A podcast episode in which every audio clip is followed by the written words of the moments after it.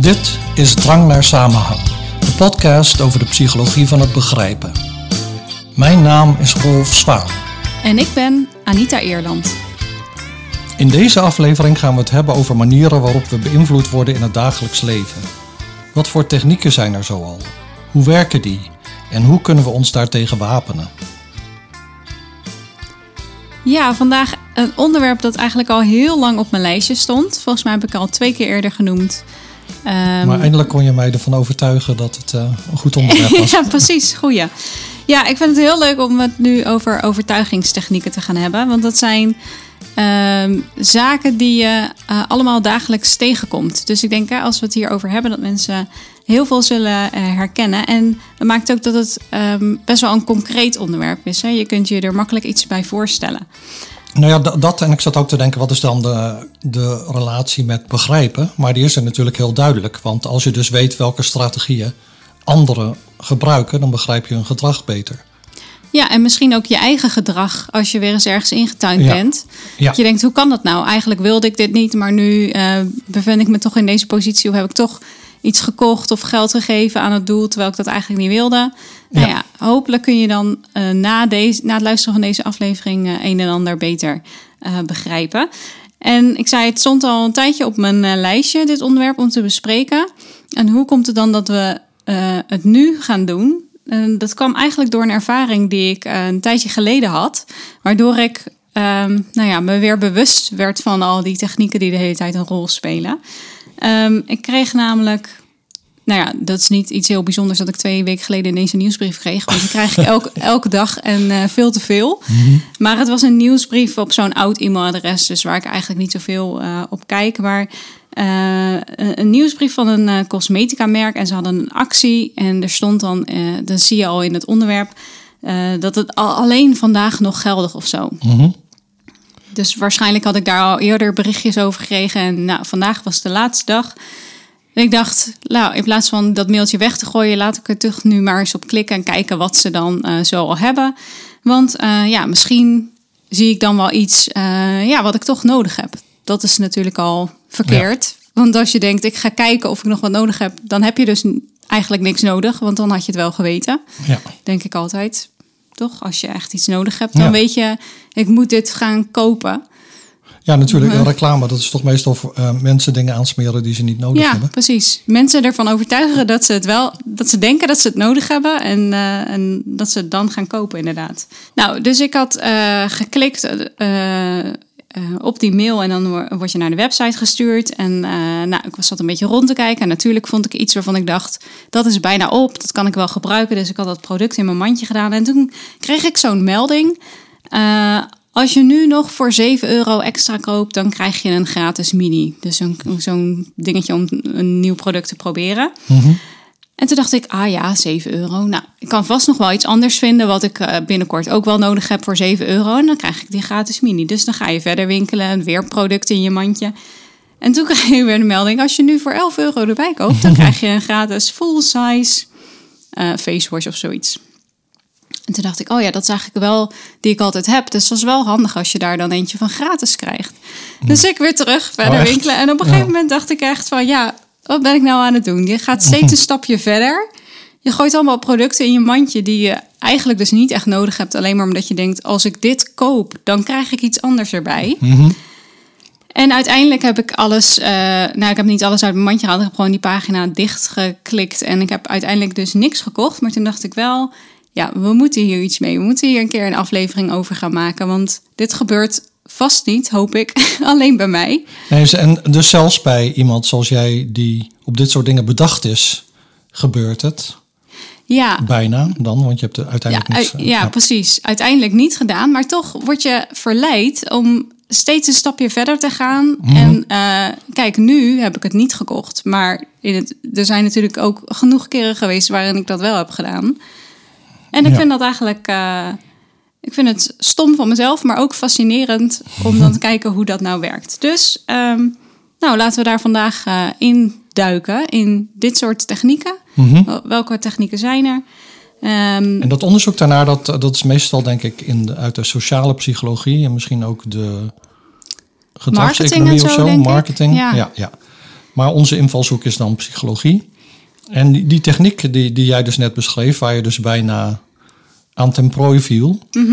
eh, die wordt genoemd de voet tussen de deur techniek. Dus je kunt denken aan een Jehovah's getuige die dan, en dan wil je de deur in hun gezicht dicht, nou ja, dichtsmijt, dat is wel erg onaardig. Maar goed, maar dan doen ze hun voet tussen de deur. Dat doen ze niet echt, maar dat is een beetje, misschien werd dat vroeger wel gedaan, dat weet ik niet. Ja, En ehm, dus hoe het dan werkt is dat je mensen eerst akkoord laat gaan met een eh, klein verzoek. En dan doe je daarna een groter verzoek. En omdat mensen al eh, akkoord zijn gegaan, is de kans groot dat ze dan ook op dat grotere verzoek ingaan. Want ze willen consistent zijn. En, Ja. eh, Ja, dus zo werkte dat eh, inderdaad. Ik had al besloten, ik ga dan dit product kopen. Ja. En dan komt er een verzoek om nog iets extra's te kopen, zodat je er nog iets bij krijgt. En dan denk je, ja, ik, ik wilde dat toch al doen. Dus zo'n klein beetje erbij kan dan ook wel weer of zo. Ja. En, en dus eh, je kunt iemand dus ook op een bepaalde manier eh, aanspreken. En dan creëer je daarmee ook een bepaalde verwachting waar iemand dan ook weer aan wil voldoen om consistent te zijn. Dus als ik tegen jou bijvoorbeeld zeg van eh, ja, je bent zo begaan met het milieu. En daarna vraag ik dan, of ik kan zien dat je goed bezig bent. eh, en daarna vraag ik jou dan om een donatie te doen aan een milieuorganisatie. Dan is de kans groter dat je dat doet. Want je wil handelen op een manier die in overeenstemming is daarmee. En eh, als het positief is natuurlijk, die, hoe anderen jou denken te zien. Of hoe ze in ieder geval voorgeven jou te zien. Ja, dus als ze denken dat, of als zij eh, benoemen dat je bijvoorbeeld een vrijgevig persoon bent, of eh, Ja. inderdaad heel begaan met het milieu of met andere mensen, dan, eh, ja, dan, dan wordt er zo'n label op jou geplakt en dan wil je graag in overeenstemming daarmee, eh, daarmee handelen. En ik, ik denk nu, als het nu iets negatiefs is, een negatief label, dan wil je misschien juist het tegenovergestelde doen om Ja. je te bewijzen of zo, of om eh, eh, te, ja, te bewijzen dat een ander het verkeerd heeft. Dus dat is misschien dan, je kan misschien ook omgekeerd labelen. Ja, misschien wel, maar dan benader je iemand dus heel negatief. Ja, Dan zeggen ze zoiets, ik zie dat u een vervuiler bent, maar wilt u doneren aan een eh, milieuorganisatie? Dat zal denk ik niet zo goed werken. Ja, misschien alleen als degene die jou op die manier labelt, als die dan belangrijk voor jou is of zo. Mhm. Ja. Dat je denkt, ik Ja. wil bewijzen dat die persoon een verkeerd beeld van Ja, mij heeft. ja, dan wel, denk ik, ja. dan wel. Maar goed, het zou een beetje lullig zijn als je iemand ehm, die dan belangrijk voor jou is, of van wie je weet dat jij belangrijk voor die persoon bent, om, om dan die op zo'n manier, met zo'n techniekje Te- te, ja, te be- beïnvloeden. ja, dat lijkt toch? me Dat is wel, een beetje Ja. tricky. Maar ik denk in principe dat het dan wel zou kunnen werken, omgekeerd eh, labelen. Oké, nou, ik ben er niet van overtuigd, maar ik weet niet of daar onderzoek naar is. Maar eh, het is in ieder geval anders een empirische vraag. Ja. Ja. Ehm, ja, en dan, eh, nu heb je het dus over het labelen van personen, maar je labelt jezelf natuurlijk ook een beetje. Dus als iemand dan eh, een product labelt op een manier die in overeenstemming is met hoe jij jezelf ziet, dan ben je misschien meer geneigd dat product te kopen. En eh, bij mij werkt dat wel op een oppervlakkig niveau, merk ik. Want eh, een paar weken geleden waren we in Utrecht om wijn te kopen en eh, verschillende wijnen, weet ik veel, waar we dan in geïnteresseerd waren. En ja, die en die, maar dit is een iets stoerdere wijn. Toen dacht ik al meteen, ah, die moet ik hebben. ja, dat dacht ik al. En die hebben we uiteindelijk ook gekocht, hè? ja, De stoere dan- wijn, De ja. stoere wijn. En, en we hebben natuurlijk ook, ehm, eh, wat is het, deodorant en van die lipgloss. Dat is op zich niet, niet zo stoer, maar wel handig als je skiet. Nou, niet lipgloss, hoe heet dat? Lipgloss is dat het helemaal gaat glimmen. Oké, zo stoer ben ik, dat weet ik dan niet. eh, maar, ja, gewoon lippenbalsem volgens mij. Zo'n eh, oké, soort... ja, ja. ja. Precies. en die heb jij dan van het eh, merk Lovely, met Mhm. een i geschreven ook nog. Met een hartje erop, geloof ik. En, eh, Nou ja, let goed op in de badkamer. maar goed, die, ja, die wil ik dan niet. En, eh, maar hij is wel goed voor het milieu, heb jij me in ieder geval aangepraat. En, maar nu hebben nou, ze ook hij is ook wel goed voor jezelf. Er Oh, zit oh, allemaal geen jezelf. troep in en zo. En, Oh, oké. ja. maar hij is ehm, dus nu ook een mannenvariant, maar die is volgens mij precies hetzelfde. Of dat zeg jij. Maar die heet Rebel Care. Mhm. En dan zit het in een, zwa- een zwart soort Darth Vader-achtige verpakking. Dus die, eh, die heb ik dan nu. Ja, de- dat past dan bij mijn, eh, in ieder geval beeld- mijn oppervlakkige beeld van mezelf. Ik heb nog wel trouwens een lovely eh, van, van die eh, lippenbalsem. Die ik dan gebruik voor het skiën. Maar dat doe ik altijd als niemand kijkt. ja, het is gewoon een... Ja, de standaard uh, lijn is verpakt in inderdaad uh, nou ja, witte verpakking. En uh, dan de mannenlijn is volgens mij precies hetzelfde product. In ieder geval van de deodorant en de lippenbalsem. Um, maar je ziet, het zit in een stoerdere verpakking. En dat spreekt toch meer aan, toch? Ja, dus je zou het eigenlijk allemaal kunnen vatten onder de noemer consistentie. Je probeert consistent te zijn met een beeld dat jij van jezelf hebt. Dus je koopt producten die daarmee consistent lijken te zijn. Ook al is het op een oppervlakkige manier. En je, je doneert meer als iemand jou aanspreekt op iets wat op een manier zoals jij jezelf ook graag ziet. En uh, dat kun je dan tot uitdrukking brengen uh, in jouw donatie.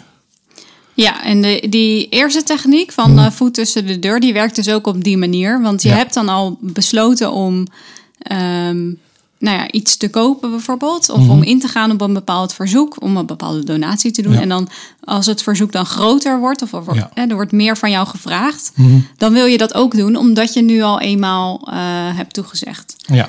Dus ja, dat, uh, dat werkt op die manier. Dus nog een techniek die zo werkt. Mhm. Of die dus werkt op dat, baas, uh, op dat principe van consistentie. En dat is de low ball techniek. Waarbij je mensen eerst akkoord laat gaan met een, een klein verzoek. Ja. en waarna er allerlei extra kosten lijken te zijn. en dan hoop je dat omdat mensen al min of meer akkoord zijn gegaan, dat ze ook die extra kosten um, ja, accepteren als het ware. Ja. Dus um, bijvoorbeeld, je, gaat, je wil een nieuwe auto kopen en je hebt een proefrit gemaakt. Nou, de auto is naar je zin en je krijgt een prijs te horen, dan ga je daar in principe mee akkoord. En dan komt de verkoper later terug en die zegt: Ja, sorry, we kunnen toch iets minder geven voor je oude auto hè, als inruilkorting. Uh, en ook uh, het audiosysteem dat erin zit, ja, dat is. Uh, weet ik veel, pas vernieuwd. Dus daar, ja, daar moet wel nog iets extra's voor betaald worden. Daarmee wordt de, de prijs die je uiteindelijk moet betalen voor die auto dus meer dan je in mhm. eerste instantie gedacht had. Maar je hebt dan waarschijnlijk al je zinnen gezet op die auto. Dus dan denk je, nou oké, dan uh, tast ik wel iets dieper in de buidel en dan betaal ik iets extra's en dan uh, heb ik die auto alsnog. Dus op die manier ja. ja word je eigenlijk ook beïnvloed. En dat werkt niet alleen met financiële kosten, maar ook met andersoortige investeringen. Dus um, ik had gelezen over een onderzoek waarbij mensen werden gevraagd om. Um, of volgens mij waren het studenten, gevraagd werden om mee te doen aan een uh, experiment. Mm En dan uh, hadden ze, nou moesten de studenten zeggen of ze dat wilden doen of niet. Mm En dan nadat mensen akkoord waren gegaan, hoorden ze dat dat experiment zou plaatsvinden om zeven uur s ochtends bijvoorbeeld. Dus een heel ongunstige tijd. ja. Uh, niet alleen voor studenten, zou ik zelf ook niet uh, fijn vinden. Maar omdat ze al hadden gezegd dat ze mee zouden doen en pas later hoorden uh, dat het tijdstip zo ongunstig was, waren er relatief veel studenten die dan toch nog dachten: ik ga dan toch wel meedoen. Dan sta ik er een keer vroeg op en dan doe ik mee. En ze hebben aan andere proefpersonen gevraagd: wil je meedoen aan het experiment? Het begint om zeven uur. Dus die wisten dan eigenlijk mhm. al meteen um, dat het tijdstip ongunstig was. En uh, er waren veel minder mensen die op dat moment al mee zouden willen doen. dan als ze al eerst hadden gezegd: ik doe mee. en later hoorden van het ongunstige tijdstip. Ja, dus een, dus een, uh, zeg maar een, uh, een prijs voor consistent willen zijn. Daar komt het dan op neer. En daar wordt hier gebruik van gemaakt. Ja. En ik heb dat zelf ook wel eens. Als je hebt toegezegd om mee te doen aan een symposium of zo. Maar je weet nog niet precies hoe laat of wanneer het is. En dat hoor je dan later en dan komt het je eigenlijk niet zo goed uit. Ja, dan vind je het toch vervelend om dan af te zeggen. Want je hebt je medewerking al toegezegd. Ja.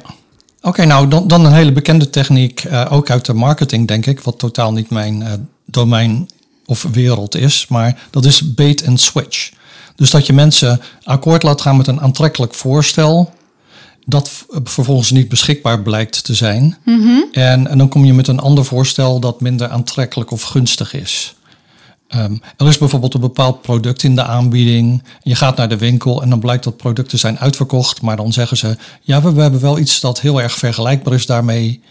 En dan blijkt het wel ietsje duurder te zijn. Maar dan heb je dus eigenlijk al je zinnen gezet op dat product. Mhm. Dus dan is het moeilijker om dat nu te doen. Ik las trouwens wel dat die techniek, dus bait and switch, niet legaal is in veel landen. Maar het is moeilijk om het gebruik ervan aan te tonen. Dus in, in de reclame is het niet, uh, mag het eigenlijk niet volgens mij. Maar wat mag er dan niet? Want je kunt toch wel als mensen zeggen: Ik ben op zoek naar, een, uh, naar deze rode wijn uit de aanbieding. En dan kom je daar en dan is die er niet. Maar we hebben wel iets wat erop lijkt. Deze, die, is, mhm. die is dan natuurlijk altijd duurder. Um, je kun je toch gewoon aanbieden? Ja, uh, ik las, ja, ik, ik, ik heb het verder niet uh, echt uh, doorgelezen, maar er stond iets van dat het dan dat het niet legaal is in veel landen als hmm. marketingtechniek. Um, maar goed, um, dus eigenlijk is de rode draad of de, de, gemeenschappelijke noemer van al die dingen die we tot nu toe genoemd hebben, hè, foot in the door, a lowball, um, labeling, labeling en bait and switch is dat je nou ja, inspeelt op uh, nou ja, de, de drang die mensen hebben naar samenhang. Dat ze in hun eigen gedrag, zeg maar. Hè, dat ze dus coherent willen zijn. En uh, dan is de vraag, hoe kun je je daartegen wapenen? Nou ja, dat kan wel, blijkt uit onderzoek. Um, door jezelf bij het aangepaste voorstel af te vragen... als ik wist wat ik nu weet, zou ik dan akkoord zijn gegaan? Want daarmee schakel je dan de neiging om trouw te zijn aan je eerdere besluit een beetje uit. He, je, je, je commitment dat je eerder hebt gevoeld, mhm. dat, dat wordt nu wat minder sterk. Ja, je moet eigenlijk die link tussen uh, je eerste commitment en dan het nieuwe voorstel of zo moet je verbreken. Je moet het, het nieuwe voorstel zien als een, of het aangepaste voorstel zien als een losstaand nieuw voorstel. Ja. Uh, waar je mee akkoord kan gaan of niet. Maar wat eigenlijk, die beslissing moet helemaal losstaan van die eerste situatie. Ja, ja, dat is trouwens, dit is wel even een iets ander voorbeeld, maar ehm, het is wel hetzelfde principe, denk ik. Als je bijvoorbeeld een verzoek krijgt om iets te doen, uh, via het werk, ergens een lezing geven wat dan ook, en het is over een half jaar, mhm. dan denk je, oh maart, ja, dan zal ik het niet zo druk hebben of zoiets. Of uh, dan zal ik het niet zo druk hebben, juni, dan is het bijna zomer. En dan, uh, en dan komt het zover en dan denk je, shit, waarom heb ik dit uh, toegezegd ooit? Uh, het is helemaal niet zo rustig, ja, precies. En, en nou, wat je daar dan tegen kunt doen, is dus dat je op het moment dat je het verzoek krijgt, denkt van, als ik het nu, nu zou moeten doen, of volgende week, zou ik het dan doen? En als dan het antwoord nee is, dan moet je het niet doen, want de kans is groot dat je het in juni toch ook nog zo druk hebt als je nu hebt. Ja, ja. ja. Oké, dus we hebben nu verschillende uh, van die technieken um, besproken die allemaal te maken hebben met dat we uh, consequent willen zijn. Er zijn ook uh, technieken die gebaseerd zijn op een ander principe. Um, we vinden het namelijk ook fijn als we iets terug kunnen doen voor iemand die iets voor ons doet. Mm En we voelen ons onprettig als we weten dat iemand iets voor ons heeft gedaan en dat we dat niet ja, terug kunnen doen. Uh, überhaupt niet of niet meteen. Dat vinden we niet fijn. Dus uh, er zijn technieken die hierop gebaseerd zijn. En die zijn dus gebaseerd op uh, wederkerigheid. Um, en een voorbeeld daarvan is de deur in het gezicht mhm. techniek. En dat is eigenlijk het tegenovergestelde van de voet tussen de deur. Um, want het is bij... nog wat pijnlijker ook. um, nou ja, ja, denk ik wel.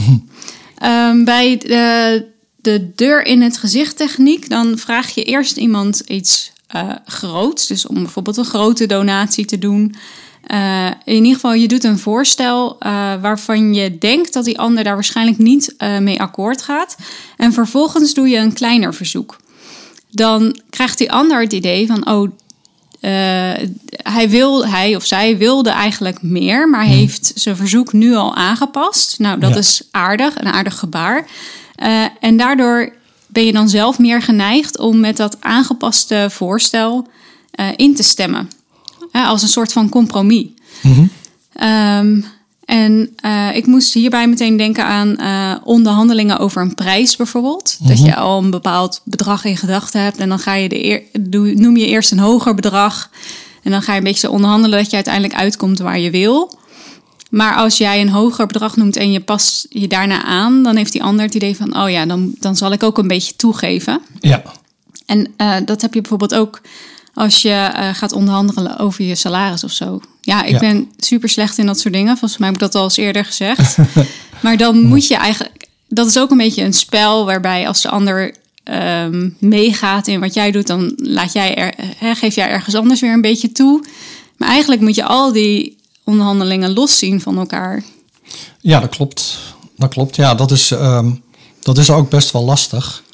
Maar het wordt ook wel, vaak wel verwacht. Ik moet ineens denken aan uh, toen ik in de VS werkte en wij een nieuw iemand gingen aannemen op onze afdeling. Mm -hmm. Wij hadden die persoon, nou ja, dus eigenlijk voorgedragen en die moest dan uh, met de voorzitter van, van het instituut een gesprek hebben over salaris enzovoort.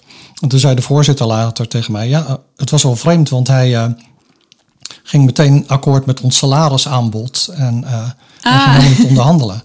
Dus, en daarmee zet je eigenlijk al een beetje de toon. Je moet eigenlijk dus uh, daar in ieder geval juist wel een beetje hoog van de toren blazen. Want anders, dat wordt van je verwacht. Mm -hmm. En anders denken ze, ja, die die kent het klappen van de zweep niet. Nee, dus het is ook wel cultureel dan? Denk ik wel. Ja, oké, dus dat is dan die techniek. En, maar dan heb je dus ook nog de dat is niet alles techniek. Dat is waar je een groot voorstel doet en voordat iemand het kan uh, afwimpelen of accepteren, dan bied je iets extra's. Dus jij wil bijvoorbeeld een nieuwe fiets koop, kopen en de verkoper zegt nou deze gazelle of weet ik veel wat. Um, en het is best een investering. En voordat je akkoord gaat met de prijs, wordt er dan iets extra's geboden. Dus bijvoorbeeld een uh, jaar lang gratis verzekering of een leuke fietsmand. Of een bon waarmee je zelf accessoires kunt kopen voor je fiets. Nou ja, dan, uh, dan ben je sneller geneigd om dat te doen. Nu denk ik wel, die fietsmand, dat zou bij mij niet echt werken. Dat past niet bij het beeld van stoer. Dus, uh, Voor jou zou het zo zijn als die fietsmand erop zit. Dat als u hem nu koopt, dan halen we die fietsmand eraf voor u. Dat zou beter werken, denk ik, ja. ja. ja. Um, nou ja, in het begin had jij het over die actie met alleen die e-mailactie. Hè? Want mhm. alleen vandaag nog is dit en dat beschikbaar. En dat maakt het dat je toch ging kijken. Ja, klopt. En dat is een techniek die gebaseerd is op schaarste. Want dingen die schaars zijn, die willen we graag hebben. Daar is waarschijnlijk wel een goede evolutionaire verklaring voor. Mm Dus zo'n actie voor een bepaalde tijd maakt gebruik van die uh, snel naderende deadline techniek. Hè, uh, oh, het kan nu nog, maar uh, straks is het voorbij.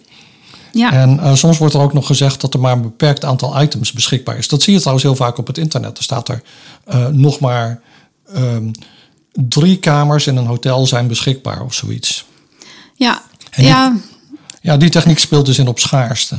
Ja, als je dat ziet, dan denk ik wel altijd: oh ja, dus als ik het nu wil hebben, dan uh, moet ik hem eigenlijk wel snel bestellen. Want anders is het uitverkocht of zo. En wat je zei over die, die kamers, ik weet nog wel dat er dan um, op zo'n eh, boekingswebsite. En dan zoek je op bepaalde uh, data en een bepaalde locatie waar je dan mhm. wil verblijven. En dan, dan zie je zo'n metertje oplopen en dan staat er uh, eh, 78% van onze accommodaties zijn al ja, vol op dit moment en in deze plaats of zo. Um, ja. Of als je er nog mee bezig bent van uh, op dit moment kijken ook drie andere mensen naar dit ding. Dan denk je ook, oh shit, dadelijk is het weg, ik moet snel zijn. Maar ik, ik vraag me dus af of dat echt is. En ik, ik kon me vaak herinneren dat we daar een keer een, uh, een tv-programma over hebben gezien of zo. Of dat we er iets over hebben gelezen. Dat dat wel gebruikt wordt hè, om, mhm. om mensen het idee te geven van... Uh, van schaarste. Je moet opschieten. Mhm. we hebben er nog maar, nog maar weinig producten van. Of het is bijna uitverkocht. Of, of zit bijna vol. Maar ik, ik wist dus niet meer of dat nou echt is. Of dat ze. Nou, ik, ik, zou zelf ik ben zelf geneigd om te denken dat het totaal niet echt is. Maar dat weet ik dus niet. Want ik weet ook niet wat de repercussies zijn als het niet echt is. Ik bedoel, ja, wordt zo'n hotel dan gestraft mag, of zo? En hoe wordt dat bijgehouden? Ja, dat vraag ik me ook af. Dan moet je iemand, eh, een of andere organisatie hebben, overheidsorganisatie, die dat dan monitort of zo. Of een consumentenorganisatie. Dat lijkt me best wel lastig. Ja, dat lijkt me ook. Um, maar die technieken die we net hebben besproken, die spelen dus in op het principe van schaarste. Dus door te zeggen, uh, het is alleen nog vandaag uh, geldig. Mhm. Of uh, we hebben nog maar, weet ik veel, twee items. Of zoveel procent is al vol. Je kunt mensen ook afleiden en ze op die manier verleiden om op jouw aanbod in te gaan. En een voorbeeld van zo'n techniek is de piektechniek, waarbij je eigenlijk een heel ongewoon verzoek doet. Ja, en daar... piek is dus dan pi P-I-Q-U-E. Ja. Dus je piekt zo, iemand zijn interesse. Ja, precies. Dat is het. Dat, uh, is het Engelse woord eigenlijk. Eigenlijk is het Frans, maar dat gebruiken ze in het Engels om, om dat te zeggen. Je, je, je intrigeert iemand of zoiets met je voorstel. Ja, je doet een ongewoon verzoek. Daarmee verras je mensen. Dus uh, je vraagt ze bijvoorbeeld niet of ze 50 cent kunnen missen, maar 38 cent of zo. In ieder geval een raar bedrag, waardoor ja, wat mensen niet verwachten. Um, en het doet me ook een beetje denken aan mensen die dan op straat uh, um, ja, donateurs werven. Mm -hmm. meestal zie je ze al staan en dan denk ik, oh nee, ik heb hier eigenlijk geen zin in. en Heel vaak word je aangesproken met een beetje een standaardvraag, maar soms ook vragen ze iets heel anders, iets wat je niet verwacht. Want je kan al een beetje zien, meestal waarvoor ze uh, daar staan, hè, voor welk goed doel. Dat staat meestal op die jas. Um, en dus dan heb je al een beetje een idee van wat ze gaan zeggen of vragen. Uh, maar als ze dan iets, met iets heel origineels komen, dan ben je toch verrast en dan let je even niet op. En voor je het weet ben je dan toch in een gesprek uh, terechtgekomen of zo. Ook al had je je nog zo voorgenomen om dat niet te doen. Dat is mij wel eens gebeurd in, uh, in Utrecht. Meestal, um, nou ja, kan ik er voorbij zonder dat ik aangesproken word of uh, um, laat ik me niet verleiden tot een uh, gesprek. Maar ja, soms doen ze dat zo goed en dan zijn ze met te slim af. En dan voor je het weet sta je toch te praten en dan ben ik ook maar weer lid geworden ergens van of zo. En dat, is, dat, komt, dat brengt me dan bij de, de volgende techniek en dat is de verstoren en anders framen techniek. Dus anders inkaderen mhm. techniek. En dat is uh, een poging om het kritisch denken van iemand te, te onderbreken door een onder, onverwacht element toe te voegen. En er is onderzoek gedaan waarin uh, mensen dus acht kaarten konden kopen. Um, en uh, aanzichtkaarten. Mm -hmm. En die konden ze dan kopen voor 300 pennies of voor 1 dollar. 3 dollar, sorry. Mm -hmm. Dus dat is hetzelfde bedrag. Maar als de kaarten werden aangeboden in pennies, dan kocht 80% van de mensen die kaarten volgens dat onderzoek. En als ze in dollars werden aangeboden, was dit 40%. Ik vind dat trouwens best wel een groot verschil. Maar goed, laten we even aannemen dat het uh, zo was in dat onderzoek. Dan uh, komt dat uh, doordat de prijs in pennies verrassend was, is het idee van. Hè, want normaal druk je zo'n bedrag uit in dollars. En dat verstoort dan het kritisch denken. En daardoor wordt het aanbod als positiever ervaren. Je wilde eigenlijk die kaart helemaal niet hebben. Uh, maar dat hele besef is nu een beetje op de achtergrond geraakt, omdat je op de voorgrond dat bedrag in pennies ziet. Ja, ja en ook dat, uh, dat omrekenen dan of zo, dat uh, mm doe je dan dus niet. Wat ik wel weer opvallend vind, want als je dan alleen naar de bedragen kijkt, hoor je 303. Ja, dat wel, ja. Dus dan zou je denken dat je bij 300 eerst denkt, uh, poeh, dat is een hoop. Ja, dat is waar. Maar goed, uh, ja, 80% van de mensen zei je doet het wel als uh, 300 pennies was en de helft daarvan als het in, in dollars is. Ja, ik zat me ook af te vragen. Hè? Ik weet niet waar dit onder valt, maar in de Verenigde Staten moeten serveerders het natuurlijk eigenlijk hebben van de fooi mm -hmm. hè, voor hun salaris. Uh, dus de fooien liggen daar veel hoger dan in Nederland. En dan hebben ze bepaalde techniek om dus die fooi te, uh, nou ja, grotere fooi te krijgen. Dus ze, ze, ze zeggen hoe ze heten. Mm Hello, my name is Aaron of wat dan ook. En vrouwelijke serveerders leggen altijd, of nou altijd, niet altijd, maar vaak dan even nog hun hand op je schouder of zo. En dan, uh, dan denken ze het zo te kunnen beïnvloeden of um, als je een kind bij je hebt, dan gaan ze net voordat de fooi gegeven moet worden, uitgebreid zeggen hoe leuk het kind is of met het kind spelen. En uh, ik weet niet precies waar dat dan onder valt. Het lijkt me ook een beetje afleiden. In de zin van met het kind praten is niet relevant voor de handeling mm -hmm. van zowel de, eh, de klant als, als, de, als de serveerder. En de hand op de schouder leggen is eigenlijk een beetje. Ik weet niet of dat nu nog steeds gedaan wordt, maar tien jaar geleden nog wel. Nou, ik weet ook niet of dat uh, nu nog steeds gedaan wordt. Maar uh, ik denk dat, uh, dat dit wel een goed voorbeeld is van waar we het zo meteen over gaan hebben. Over verschillende manieren waarop mensen beïnvloed kunnen worden. Mm -hmm. um, want je. Um, Ja, we hebben al vaker gehad in andere uitzendingen over dat uh, onze brein eigenlijk twee uh, kuntjes kan. Of dat we eigenlijk twee systemen hebben. Eentje is meer rationeel en heel systematisch. En ja. andere is meer gebaseerd op heuristieken. Um, en, en, en, dat, en dat rationele systeem, dat kost heel veel cognitieve energie. Precies. Dus dat, dat is vermoeiend, zeg maar, om dat steeds te gebruiken. Mm -hmm. Dus dat is het nadeel ervan. Het voordeel is wel dat je systematisch informatie verwerkt. Ja, maar het is inderdaad vermoeiend en het kost meer tijd. En dan uh, dat andere systeem is, is veel sneller. Ja. Um, en we hebben die twee systemen. We kunnen ook middels die twee systemen beïnvloed worden. En ik denk dan dat uh, uh, die randvoorwaarden, of die randzaak eigenlijk, hè, van aardig doen tegen de kinderen van, uh, van je gasten, of heel even aanraken en zo, die spelen allemaal in op eigenlijk die tweede route van verwerk. Maar de, zullen we misschien eerst even de eerste, ja. eerste route doen. Mm -hmm. Ja, die eerste route uh, wordt ook wel de centrale route genoemd. En uh, die route is dus afhankelijk van dat uh, systematisch verwerken van informatie. Dus dat systeem wat meer tijd vraagt um, um, en meer cognitieve energie kost. Mm -hmm. Nou, we gebruiken die route als we informatie bewust verwerken. en als we daarna dan een weloverwogen beslissing nemen. Dat is ook waarom het zoveel energie kost en ook meer tijd. Dus bijvoorbeeld als je graag een nieuwe gitaar wil kopen, dan koop je er niet zomaar eentje, maar dan ga je eerst waarschijnlijk verschillende modellen met elkaar vergelijken. Uh, je gaat verschillende aanbieders vergelijken om te kijken uh, hoeveel die gitaar dan kost in verschillende uh, winkels. En uiteindelijk besluit je dan om een bepaalde gitaar in een bepaalde winkel te kopen. En je hebt dan dus een weloverwogen keus gemaakt, gebaseerd op alle informatie die je hebt. Um, je gebruikt deze route als je gemotiveerd bent en ja. um, uh, ook moeite kan, kan en wil doen om die informatie zo uh, te verzamelen en te vergelijken. Maar ja, vaak nemen we dus ook beslissingen uh, waar minder denkwerk aan vooraf gaat. En dan maken we gebruik dus van die andere route. Ja. En dat andere systeem eigenlijk. Ja, dat is dan de perifere route. Ja. En je zou dat kunnen noemen de korte door de bocht route. Dus je snijdt een bocht af eigenlijk.